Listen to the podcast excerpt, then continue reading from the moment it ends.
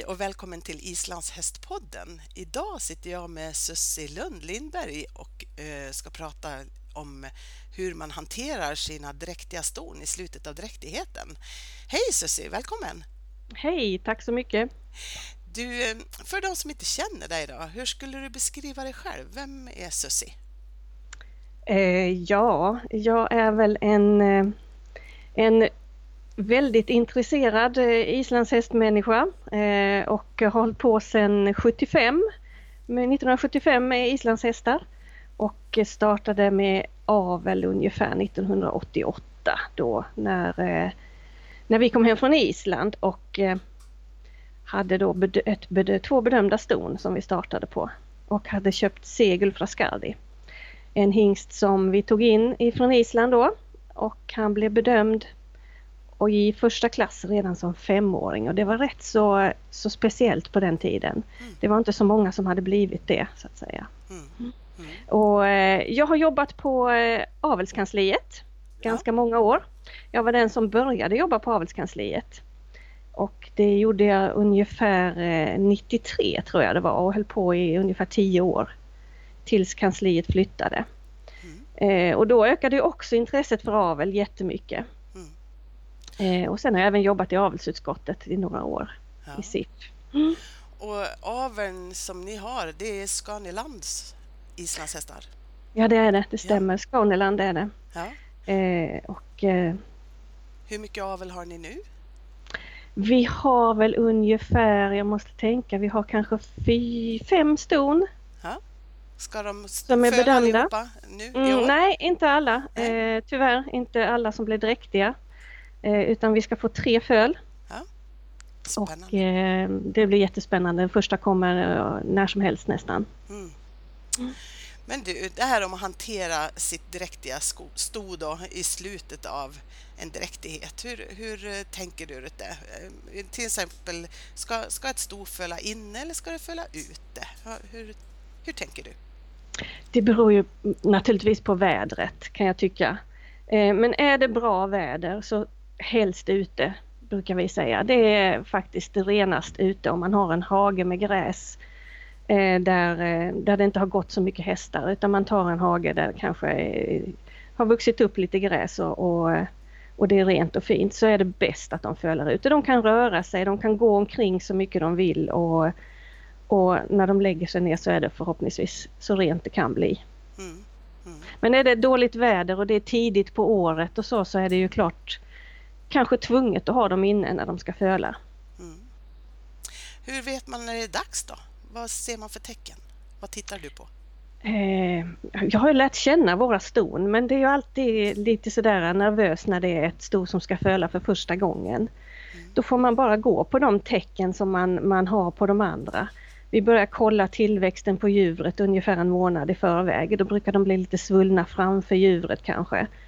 Och sen så går jag och kollar varje morgon brukar jag göra för det känns, ja, det är viktigt att kolla ungefär samma tid på dygnet varje gång för annars är det svårt att jämföra eh, vad som har hänt sen sist. Mm. Eh, och eh, när det börjar närma sig så, och djuret är riktigt stort och man vet att nu är det nog snart dags.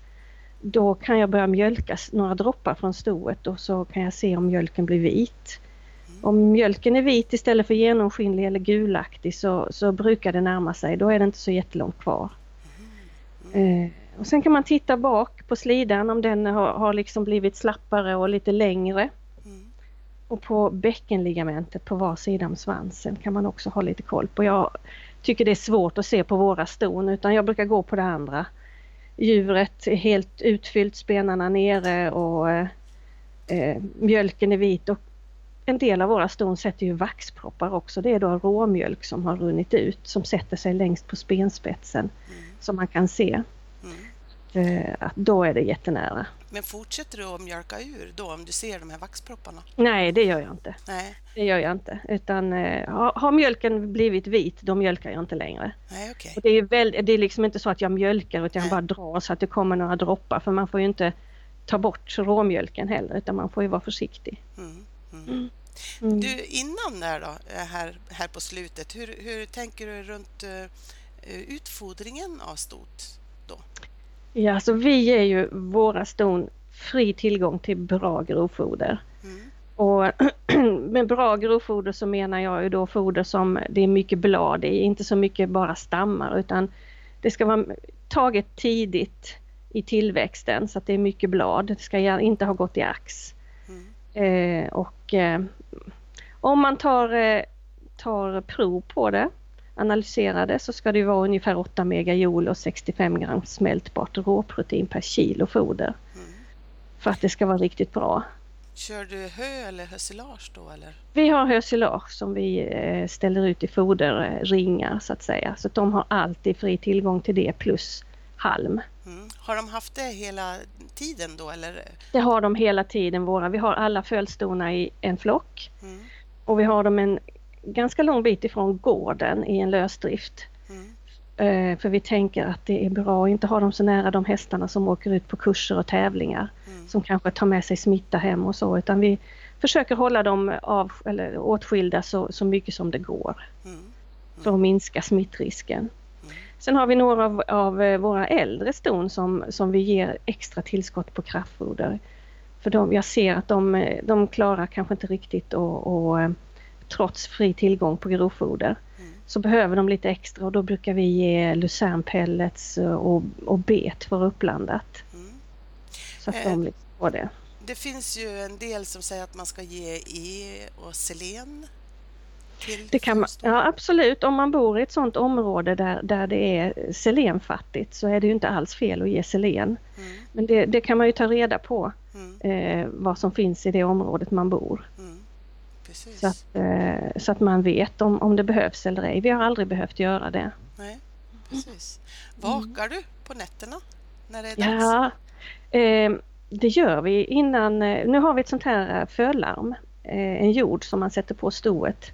Okay. Som mm. Eh, ringer till våra mobiler när stoet har legat ner på sidan i mer än två minuter tror jag det är. Men tidigare så, så var vi uppe på nätterna och vakade och hade stona hemma runt, om, runt utanför. Mm. Och ställde klockan varannan timme eller varje timme och, och vi höll på. Men det blev ganska så jobbigt om man hade sex ston som skulle föla. Mm. Vi var rätt så trötta mm. efter det så att eh, den här jorden har varit eh, en, eh, en bra investering. Den har betalat sig mm. faktiskt. Är det dyrt att köpa en sån? När vi köpte den så kostade den nog 10 000 och jag vet faktiskt inte vad den kostar men om man tänker på vad ett föl kostar mm. så är det ju ingenting. Nej. Och vi har inte missat en fölning sen, sen vi köpte den här jorden. Nej, precis. Mm. Kan man ha andra hästar runt omkring när de ska föla eller ska de gå själva? Vi låter våra ston gå själva men har man en flock kanske där stona känner sig trygga så och man vet att det fungerar så, så kan man kanske ha det. Vi har haft det någon gång men jag kände att det blev lite för, stona reste sig för tidigt när fölet hade kommit ut för de blev lite stressade mm. när de andra stona kom och skulle titta för de är såklart nyfikna. Mm. Eh, så, så, då tyckte jag att det, vi tycker det är lugnast att ha dem i en hage för sig mm. när de ska föla. Men eh, jag säger inte att det är ett måste, det beror säkert på flockens sammansättning. Mm. Men, då, då, delar du alltså även eh, de stona, det, det fölande stot från de andra förstona också så att säga? Ja det gör jag. Mm. Det gör jag. Mm. Går de i närheten utav varandra så de ser varandra eller? Det beror lite på hur, vad vi har för plats runt om gården. Ibland så, så kanske vi tar hem dem och har dem lite närmare gården mm. och då ser de inte de andra. Men våra gamla ston är nog ändå ganska trygga för de är så vana vid det. Mm. Men det är klart att det är ett sto som fölar för första gången och inte har varit ifrån flocken på det viset så, så får man, man får se hur de uppför sig helt enkelt. Blir de stressade så får man ju ta tillbaka dem och ställa i en hage bredvid istället. Mm, precis. Mm. Hur, när det väl sätter igång då, hur, hur vet man att fölet ligger rätt vid följningen? ja, när eh, när, de, när det sätter igång då, du menar när det är utdrivningsstadiet? För först så har de ju det här öppningsstadiet när de vankar och vankar och vankar och går omkring. Mm. Men sen så när de börjar lägga sig ner och, det, och de börjar krysta då är det ju utdrivningsstadiet. Och eh, det ska gå på max 20 minuter. Och ser man att det kommer ut en vit påse så brukar man se hovarna. Mm. Och när, när det har kommit framhovar ska det ju vara. Mm. Och det, det kan man ju se genom att nosen efter ett tag också bör, börjar synas. Mm. De ska dyka ut så att säga. Ja, Mm. och det brukar vara att det ena frambenet är lite före det andra för att bogen inte ska ta emot så mycket.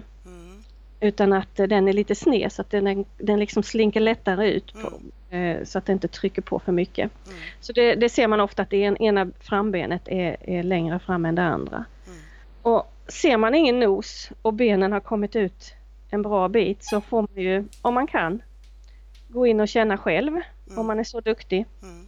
Annars så får man ju ringa till sin veterinär. Mm. Det är ju jätteviktigt för när, när, det, när det har kommit så här långt då är det liksom då är det bråttom. Mm. Det är ju liksom, det brukar gå på en 10-15 minuter. Mm. Så att eh, det ska inte ta för lång tid utan då är det ett fel läge och då får man ju om man inte kan, kan det själv så måste man ju ringa sin veterinär. Ja, precis. Mm. Mm, Jag jag tänker hur lång tid tar en förning? Det är väl ungefär samma sak som hur långt är ett snöre. Men jag tänker att det, för det, det är väl olika för olika individer tänker jag från, från att de börjar vanka tills fölet är ute.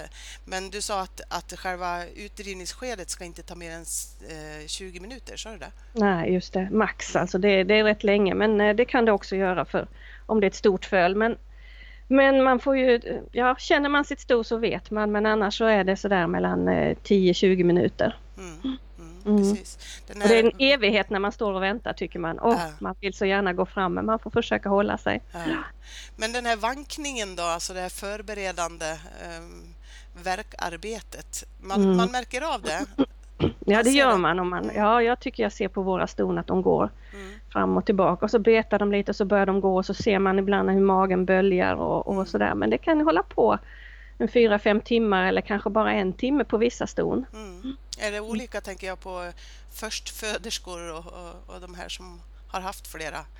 Nej det behöver det inte vara. Det Det, det kan jag inte säga generellt att Nej. det är. Nej. Nej. Men sen då, när den här lilla kravaten är ute, Ja. vad, vad händer då? Ska de ligga ner eller ska de resa sig upp, eller hur? Alltså, det är ju bra om både sto och föl ligger ner lite och tar igen sig. Ja. Det är ju inget fel i det. Så länge man ser liksom att fölet lyfter på huvudet och de brukar rulla över och lägga sig på bröstet. Mm. Så att de kan liksom få in lite luft i lungorna och så att de kan, kan och så gärna ligga kvar en 10 minuter så att eh, det pumpar blod. Det sista blodet ifrån eh, liksom moderkakan ska ju pumpa in i fölet och det kan handla om en liter alltså Mm. som, som de får extra i sig och då får mera antikroppar mot sjukdomar och så. Ja, precis. Så det är Så det är bra om stoet ligger ner också? Ja, där. att man inte går fram direkt liksom om, för, om stoet blir stressat av att man går fram utan låt dem ligga kvar Mm. Mm. och låt liksom navelsträngen sitta, sitta fast ett tag så länge. Sen kan det hända att vissa ston reser sig med detsamma för att de, de, de liksom tycker de ska ha koll på fölet mer så men vissa är Mm. trötta och ligger kvar lite och det är inget fel i det. Nej, precis. Det gäller bara att se till så att de har huvudet ut så de inte ligger i, Ja. kvar i påsen så att säga. Absolut, Mm. absolut. Mm. Ja. Mm. Hur lång tid tar det innan den ska börja dia sen då? När, hur Alltså den ska, ju, den ska ju dia inom, inom i alla fall en till tre timmar, det är lite olika. Mm. Men, eh, men eh, har det gått tre timmar då är det riktigt liksom. Utan för, förhoppningsvis, de flesta brukar vara uppe inom en halvtimme tycker jag. Mm. Eh, och sen så brukar de börja jobba på dia, verkligen jobba på det. Mm. Mm. Vissa har lättare för det än, än andra, så är det ju. Mm.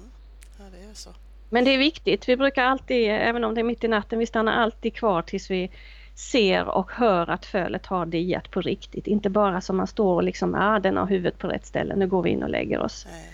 Utan vi vill liksom höra att det, den sväljer och att den verkligen får i sig Ja. råmjölken, för det är ju jätteviktigt. Ja. Fölar Mm. de nästan alltid på natten eller? Jag tycker det, Ja. nästan alltid på natten. Det händer, alltså någon gång på dagen har det hänt naturligtvis, men alltså jag kan säga 80% fölar på natten av våra ston i alla fall. Mm. Du, Mm. eh, alltså, kan de styra själva över när förningen sätter igång? Jag tänker på väder och vind och sådär, eh, stona. En del säger att de, de kan vänta in eh, ett, ett, ett bra väder så att säga. Är det så? Jag vet faktiskt inte om jag tror på det riktigt. Nej. Jag vet inte. Nej? Eh, alltså det är ju fölet som, som bestämmer när fölet är färdigt. Då kommer Ja. den ut så att säga. Ja.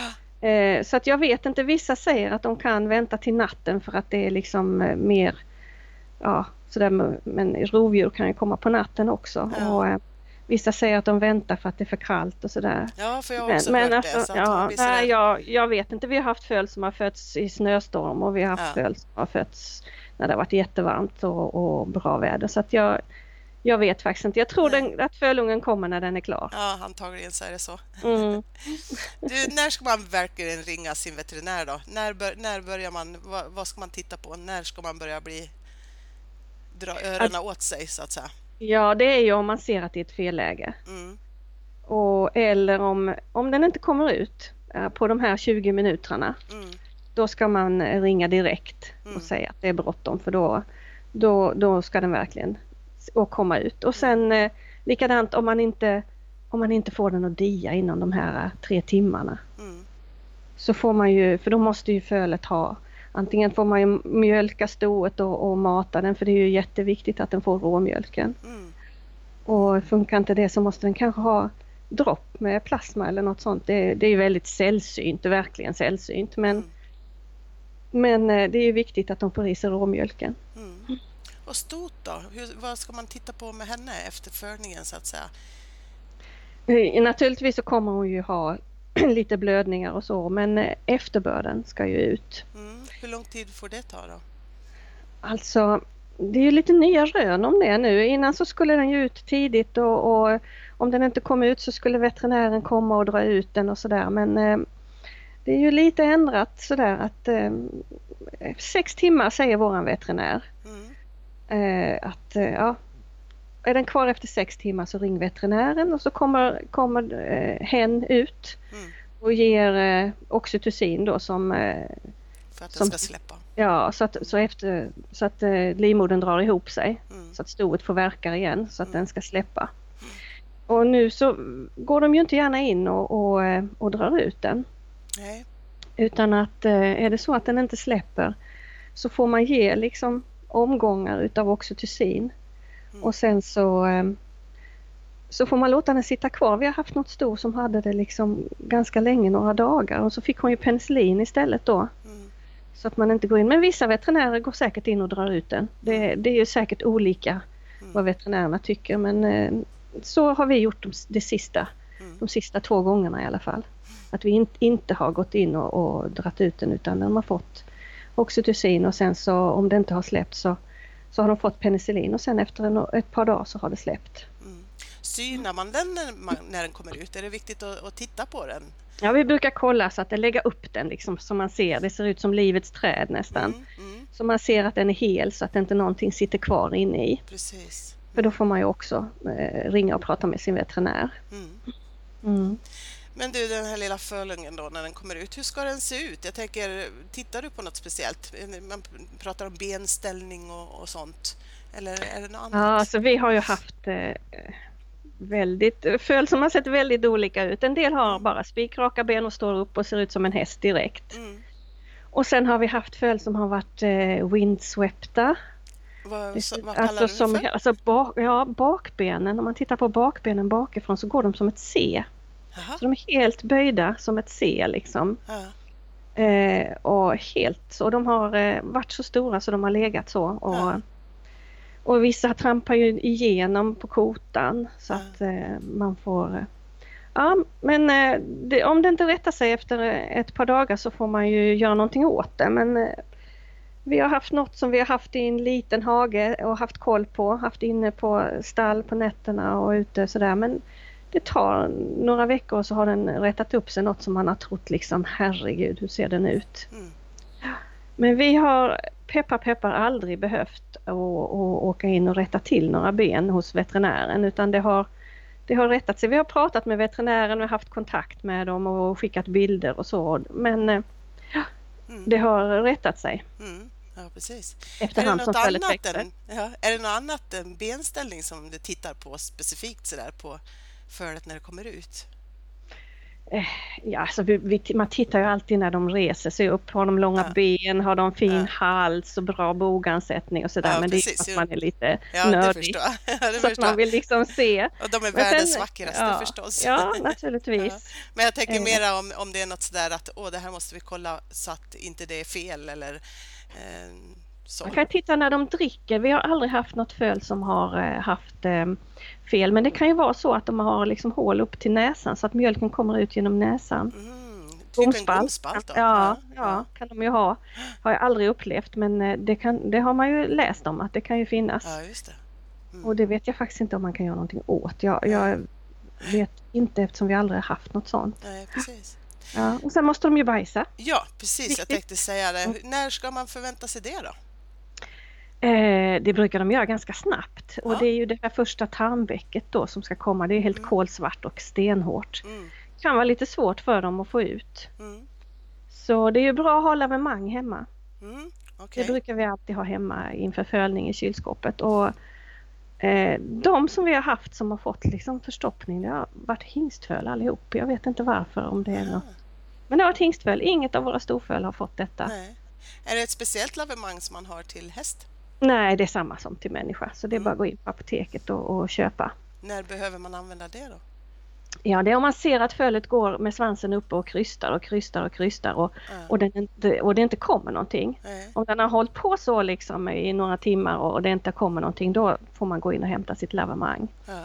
Och det här, eh, har du koll på det? Jag tänker eh, om de har, har, har bajsat när man inte har tittat så att säga. Men jag tänker man kanske kan se spår utav det här träck, träcket i, i svansen eller på rumpan på dem. Det? Det kan man kanske göra men eh, ofta så kan man hitta det om man, om man då har sto, stot i en lite mindre hage när de fölar Mm. så kan man hitta det Okej. oftast. Mm. Eh, och börjar det sen komma gult bajs Mm. så är det ju ingen fara Nej, för då har den ju druckit mjölk och då är ju tarmvecket försvunnet. Utan det är ju om man ser, ofta så är det problem då går de och krystar och håller upp svansen och, och Mm. så att eh, gör de inte det så är det ju inget problem. Du kanske sa det, jag vet inte om jag inte uppfattade det, men hur, hur eh, tätt efter, efter förningen ska de bajsa då? Eller kan man förvänta sig att de bajsar ut det här första? Alltså det brukar komma i, alltså första halva, alltså inom sex timmar kanske. Okej. Mm. Jag kan inte säga exakt Nej, nej, men, men- men, det, men det, det måste det ju göra, det tror jag säkert att det är. Mm. Mm. Mm. Du, mm, avmaskning av stot då? Ja, vi avmaskar ju om det behövs. Det är ju, det är ju lite, det är ju nya rön där också. Det är ju liksom att man ska ta ett eh, träckprov på sina hästar och sådär. Mm. Så att. Det gäller ju att ha eh, en bra gårdsveterinär eller en Mm. bra veterinär Mm. som, eh, som vet om man behöver avmaska eller ej. Utan det är ju inte något man gör generellt nu. Nej, precis. Utan det är ju efter det här programmet man har. Så att eh, har Så man, man får göra en, gör man Mm. en, en, eh, en, en analys på stoet innan då, strax Ja, innan? det eh, gör man ju. Och så, det gör man ju samtidigt som man gör de andra på våren kan jag tänka mig. Mm. Ja. Och har man gjort det så, eh, så ska det ju inte vara något. Nej. Så att säga. Då Mm. ska man inte behöva göra något extra utan då följer man bara veterinärens rekommendationer. Mm. Tidigare så var det ju så att man skulle avmaska sitt föl vid 8 veckor och 16 veckor och sådär. Mm. Men, Men eh, det är ju inte så längre utan man får ju vara försiktig för det är så Mm. mycket resistens. mm, precis. Vaccinering sen då? Ja, det gör vi ju precis som eh, med de andra. Mm. Eh, Som alla hästar, att vi vaccinerar dem vid ett halvår ungefär. Mm. Man kan vänta tills dess så att säga. Det, de behöver inget speciellt De tidigare. får ju, de får ju från stoets vaccinering då. Mm. Eh, Vi vaccinerar ju våra ston på, eh, på våren här, på ska säga, februari, mars någon gång. Mm. Och då har ju de antikroppar som ska gå över till fölet med. Mm. Och är man osäker så, så kan man ju prata med sin veterinär och, och fråga om man ska göra det tidigare. Men jag tror inte man får vaccinera tidigare än fyra månader får man inte vaccinera i alla fall. Nej, just det. Mm. Om man då har ett stoet eh, vaccineras eh, sent på, på hösten eller mot slutet av året, Mm. behöver man vaccinera den tidigare då? Alltså, vi har aldrig gjort det. Vi har aldrig haft så det, har, det har vi aldrig gjort faktiskt. Eh, sen kan det ju säkert finnas någon som säger att man måste men vi har aldrig, aldrig gjort det och aldrig haft något problem Nej, med det. Utan eh, de flesta våra är i december till februari blir de vaccinerade och, eh, och sen så kör vi där. Det är lättast att vaccinera när de är inne på stall. Ja. För att på, på sommaren har vi så stora beten Mm. och då är det svårt att, att, att vaccinera. Svårt att, då ska de drivas in och, och man ska köra ut veterinären och de ska fångas. För det är inte alla våra unghästar som går och, och hämta i Grimma och, och vaccinera utan de måste in. Mm. Ja, Mm. så att vi försöker hålla det på vintern. ja, precis. Ehm, jag tänker på ston som eksemston som kanske går med, med eksemtecken och så.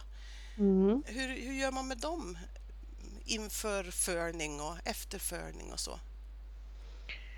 Alltså är det säsong för, för knott och så så måste de nog ha täcket på sig. Vi har haft något sto här som har eh, haft eksem eh, som har fölat men det har inte varit något problem att föla med täcke på och fölen har hittat juver och allting sånt. Mm. Det beror ju på hur känsligt stoet är och Ja. vilken tid på året det är naturligtvis men jag, jag kan inte se att det ska vara något problem att de har täcket på sig. Nej. Nej. För det, det kommer de ju ha hela tiden sen när de går med fölet också så att eh, man får Mm. naturligtvis byta täcke och, och är man som man ser att mm, nu är det dags i natt kommer hon för, antagligen föla så, Mm. så kan man kanske ta av täcket om, om stoet klarar det. Mm. Ja, precis. Hur hittar man ett bra namn då till sin förunge? Hur gör du? Hur tänker du när du ger dem namn sen? Ja det blir svårare och svårare ju fler man får. Ja, jag förstår det. Eh, Men eh, vi har, hittills haft olika teman Mm. eh, varje år så att man har ett tema och Mm. försöker hitta namn inom det. Mm. Vi har, har till exempel när vi hade föl efter Alvarstein så, så hade vi olika stenar eller ja, Mm. Sten, alltså namn på olika stenar eller bergarter eller eh, lite så. Mm. Ja. Och sen har vi haft, eh, ja, vi har haft änglar. Vi har Ja. haft Gl- Gloria och Eros och Gabriel och så något år. Och, eh, ja, växter har vi haft och eh, ja, Ja. lite så här olika teman. Så, så just kör vi men eh, sen kan man ju naturligtvis ta A första året och B nästa år Ja, och sådär. precis. Man Ja. har många. Ja. Eh, Men jag brukar gå in och, och kolla, det finns ju såna här jättefina namnböcker, Mm. någon som heter Rimfaxi. Och sen så går jag in och kollar i det isländska lexikonet också. Mm. För det tycker jag är lite roligt att ha lite annorlunda namn som Ja. kanske inte så många andra har. Nej. Men då får man ju se till så att man får rätt böjning och rätt kön liksom, Ja. om det är maskulint eller feminint och sådär. Ja, ja precis. Du, Mm. har du något tema för i år nu då, eller? Eh, nu kommer jag inte ihåg vad Mette hon har bestämt. Okej. Hon har bestämt årets tema och Ja. eh, ja, faktiskt så kommer jag inte ihåg vad hon har bestämt i år. Eh, vi får se här när det första fölet kommer om ett par veckor. Ja, precis. Ja, Ja. Spännande. Ja, det är spännande. Ja. Du, tusen tack Susie för att du tog dig tid att berätta för oss. Ja, men tack för att jag fick berätta. Mm. lycka till så mycket med dina föl till sommaren. Tack ska du ha.